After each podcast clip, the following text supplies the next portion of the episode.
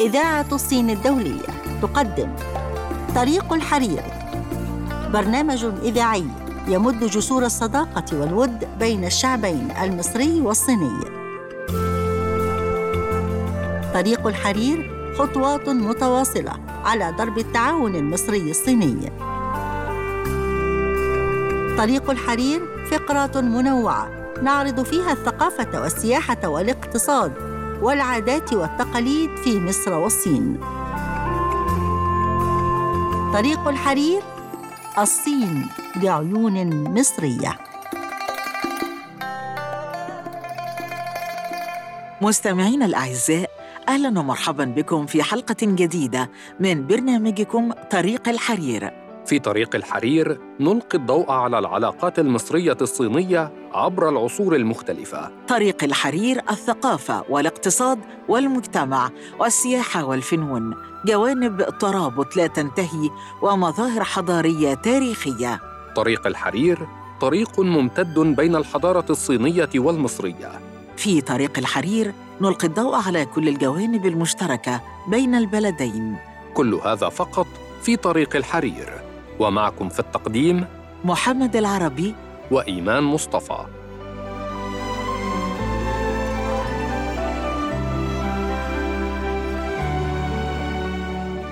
والآن أعزائي المستمعين مع فقرة الصين بعيون عربية والتي نتعرف من خلالها على كيفية نطق اللغة الصينية من خلال الاستماع إلى بعض الكلمات الصينية ومعرفة معنى تلك الكلمات.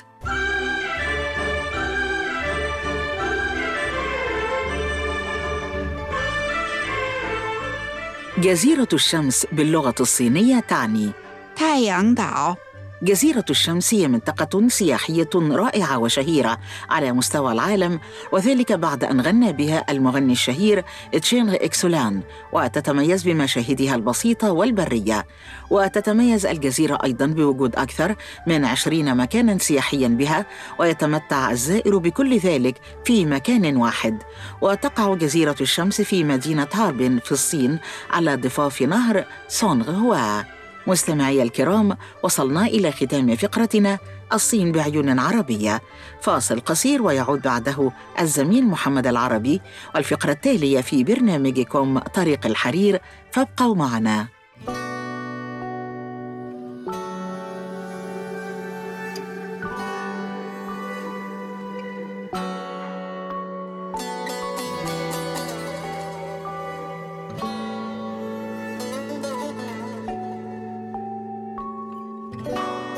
اعتب عليا.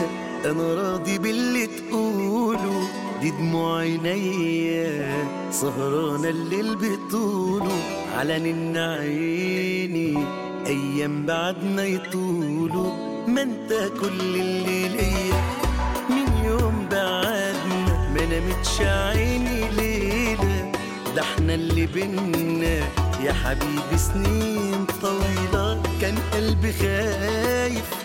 تايه ما بيده حيلة ولا حتى ارتاح شوية.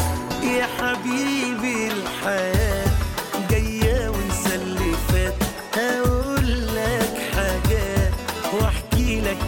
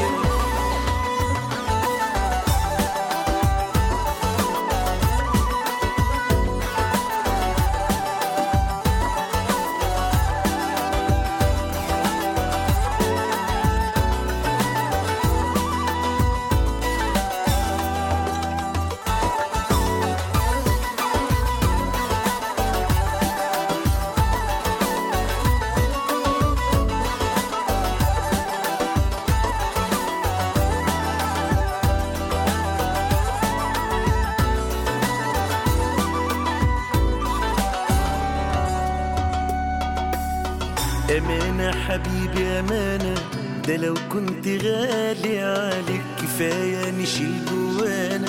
ده قلبي ملوش بعدك بحبك ومش محتاجة نقول فيها تاني كلام. وتعباني مليون حاجة تخليك تجيني أوام صعبة الليالي يا عزيز عليا وغالي اللي بتعمل كل ده فيا؟ يا حبيبي الحياة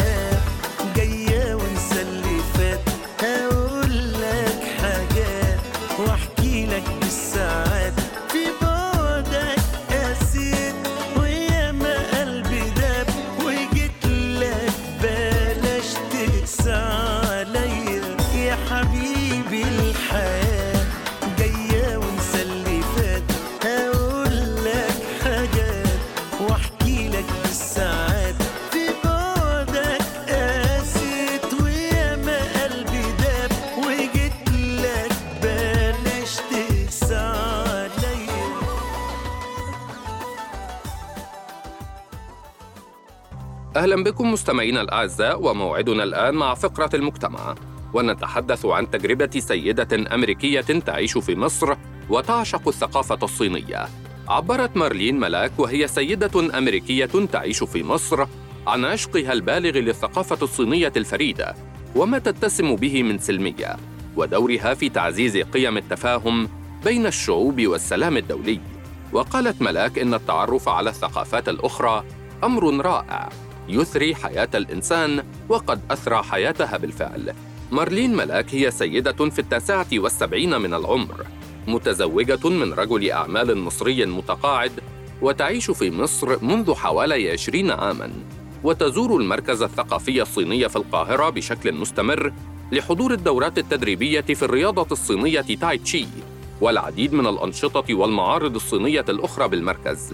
وقالت السيدة الأمريكية إنها تحب الفنون الصينية والشاي الصيني والثقافة الصينية بشكل عام وتحرص على حضور تمرينات رياضية وذلك لرياضة التاي تشي منذ حوالي 12 عاماً.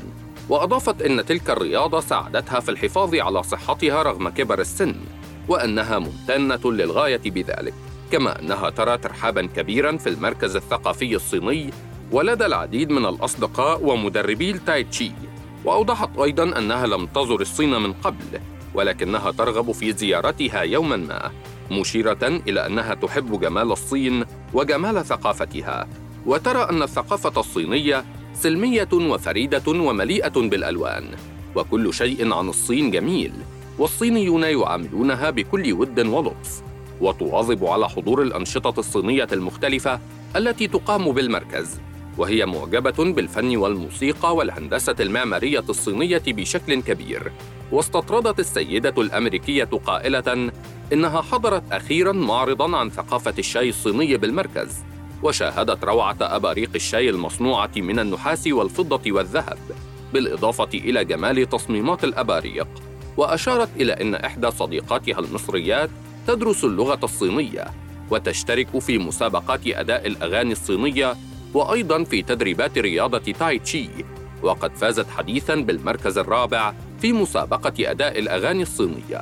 وأوضحت أيضاً أنها عاشت مع زوجها في مصر لمدة أربع سنوات تقريباً في ثمانينيات القرن الماضي. ثم غادرت وعادت إلى مصر مرة أخرى في عام 2005 حيث تعيش حتى اليوم. ووصفت الثقافة الصينية بأنها جميلة والهندسة المعمارية الصينية بأنها فريدة من نوعها. وقالت إن الصينيين يستفيدون من جميع المواهب فهم جادون في العمل ويستطيعون عمل أي شيء وتعلم أي شيء وأكدت على أهمية التعرف على الثقافات الأخرى وأهمية التفاعل الثقافي في تعزيز التفاهم والسلام. وأضافت أنه يجب التعلم من مميزات كل ثقافة حيث أن التفاعل الثقافي هو السبيل لتحقيق السلام العالمي فهو يوسع مدارك الناس ويفتح أعينهم لرؤية الأشياء الجيدة في الآخرين. إلى هنا مستمعينا الأعزاء نكون قد وصلنا معكم إلى ختام فقرة المجتمع. نتوقف الآن مع فاصل. تعود بعده الزميلة إيمان مصطفى لتقديم الفقرة التالية. فانتظرونا.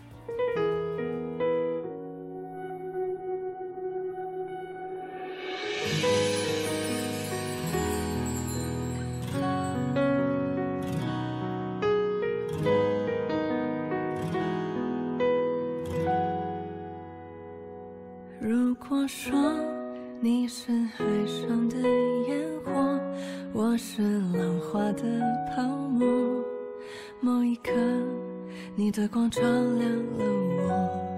如果说你是遥远的星河，耀眼的让人想哭，我是追逐着你的眼眸，总在孤单时候眺望夜空。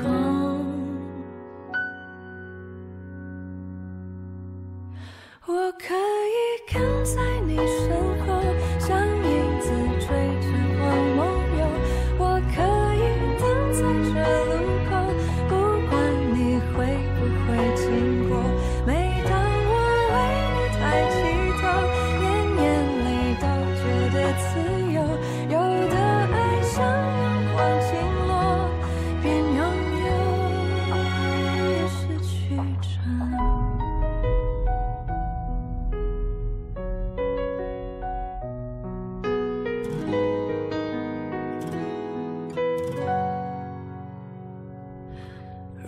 如果说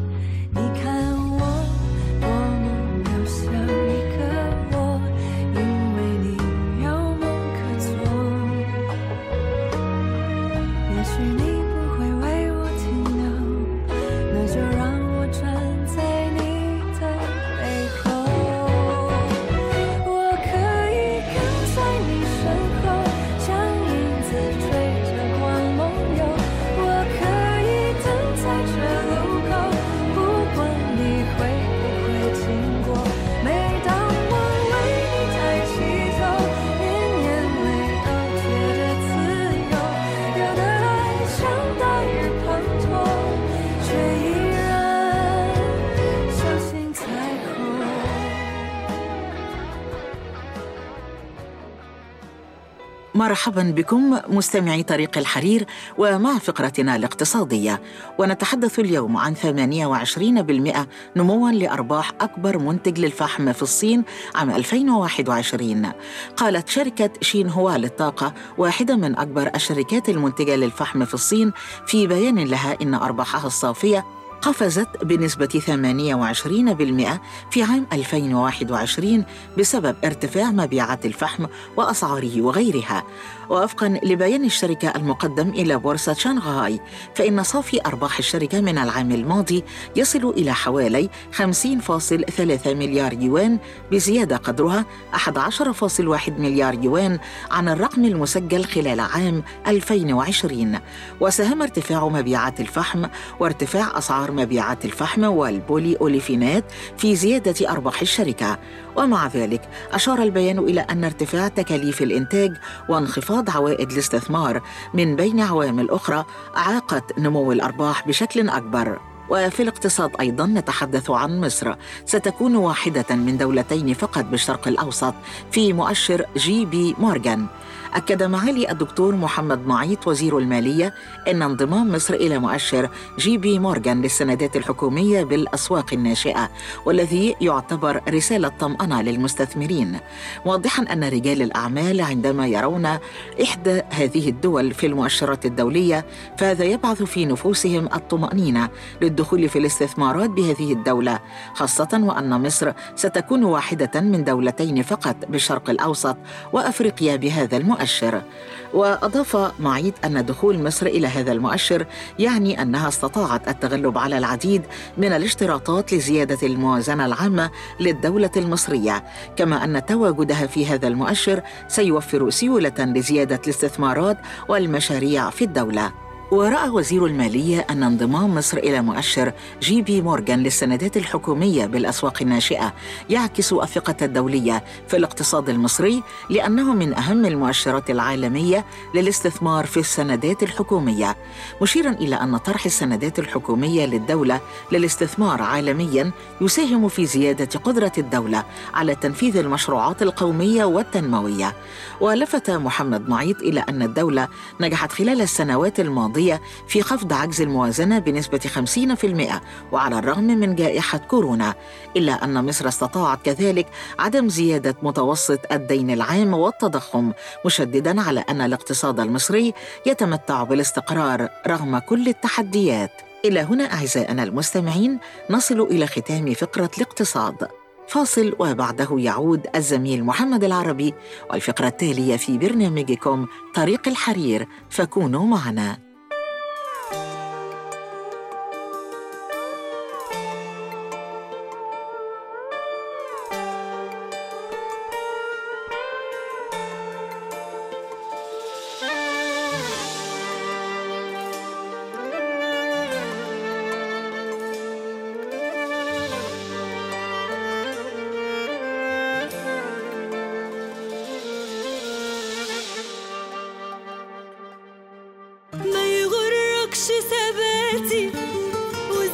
شكلي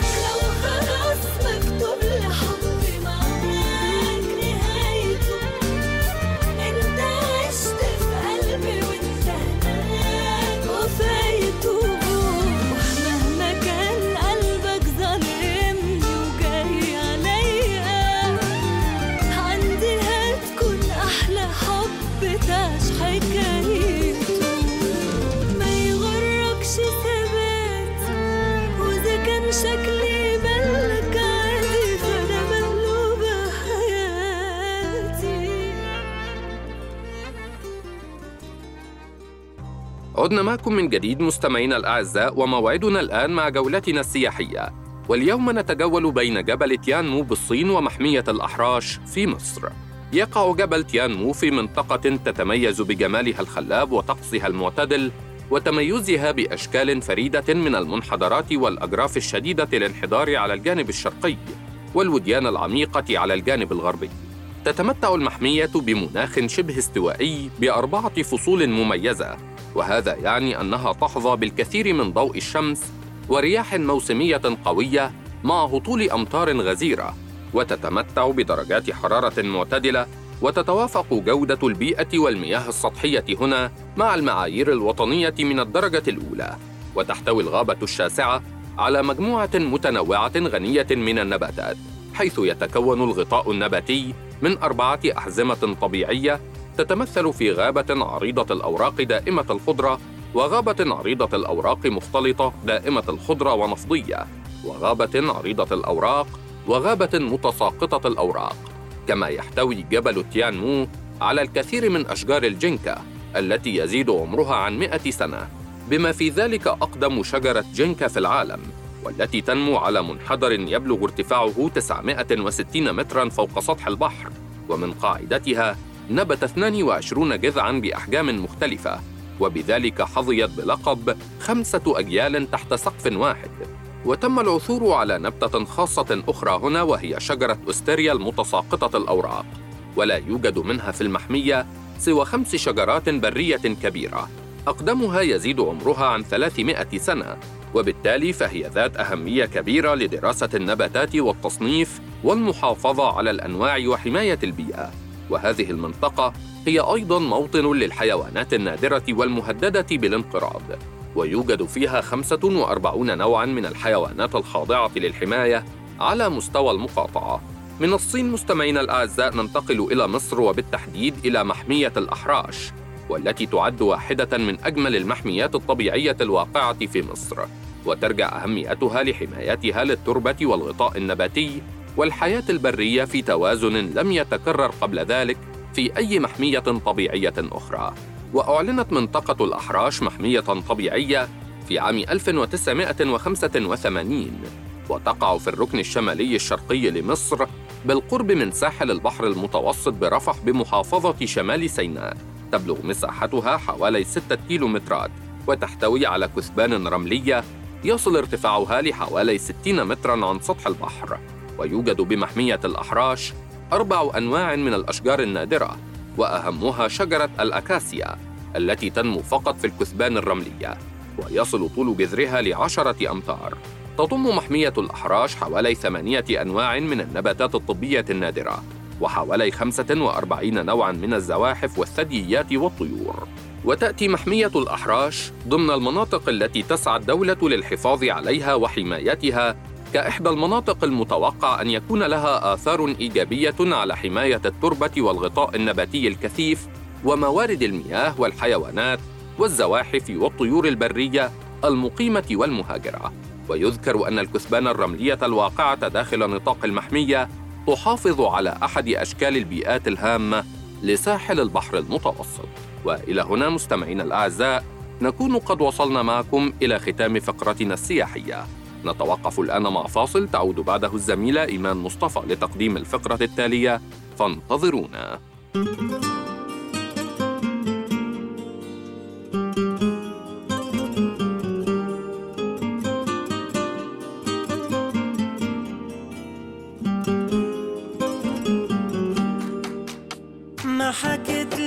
Shine.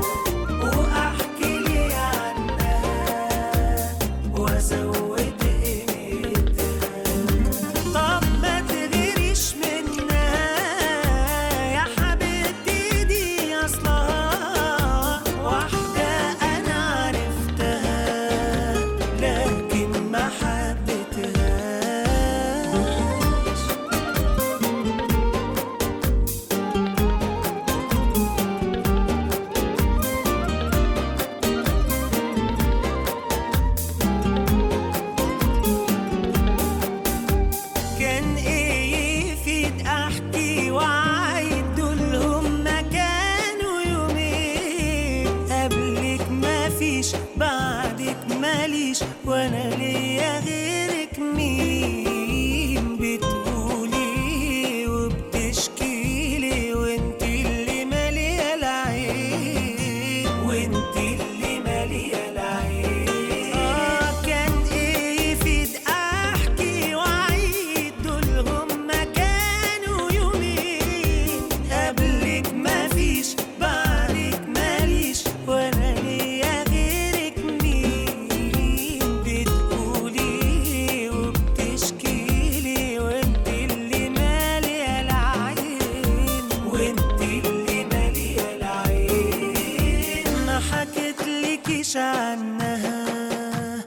ولا جبتلك سيرتها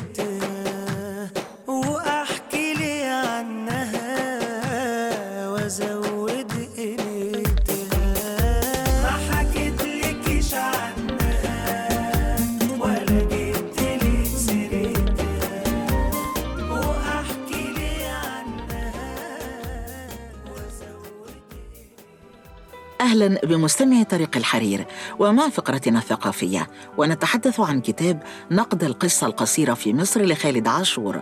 وهذا الكتاب ينطلق من فكرة أنه لم يحظى نقد القصة القصيرة في مصر بما يستحقه من رصد وتأريخ ونقد فيما يعرف بنقد النقد ميتا كريتيسيزم.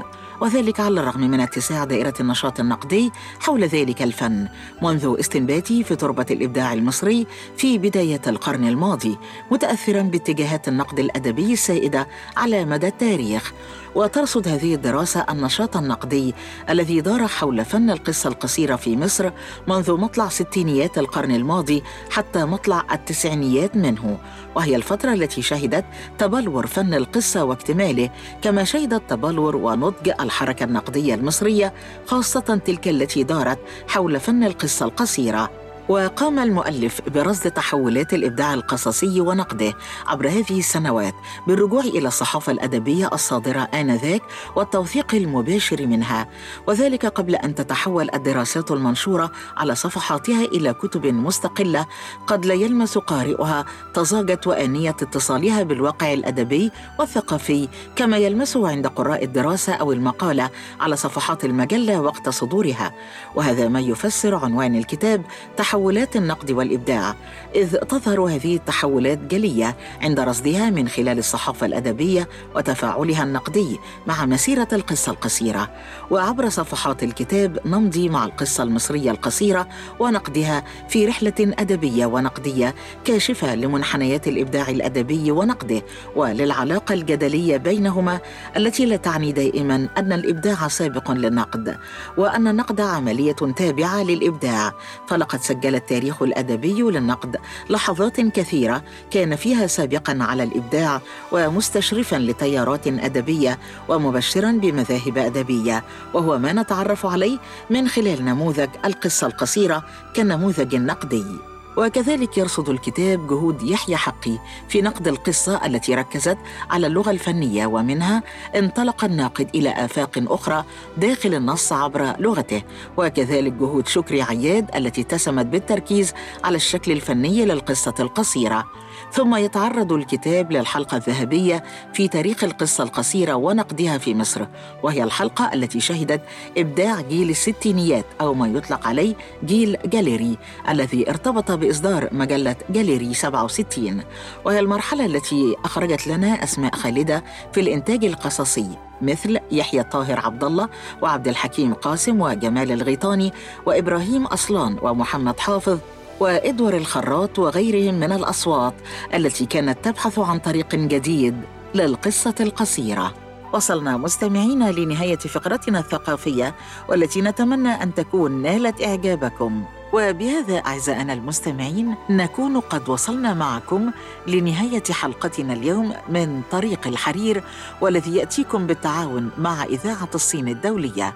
وإلى اللقاء وحلقة جديدة من طريق الحرير.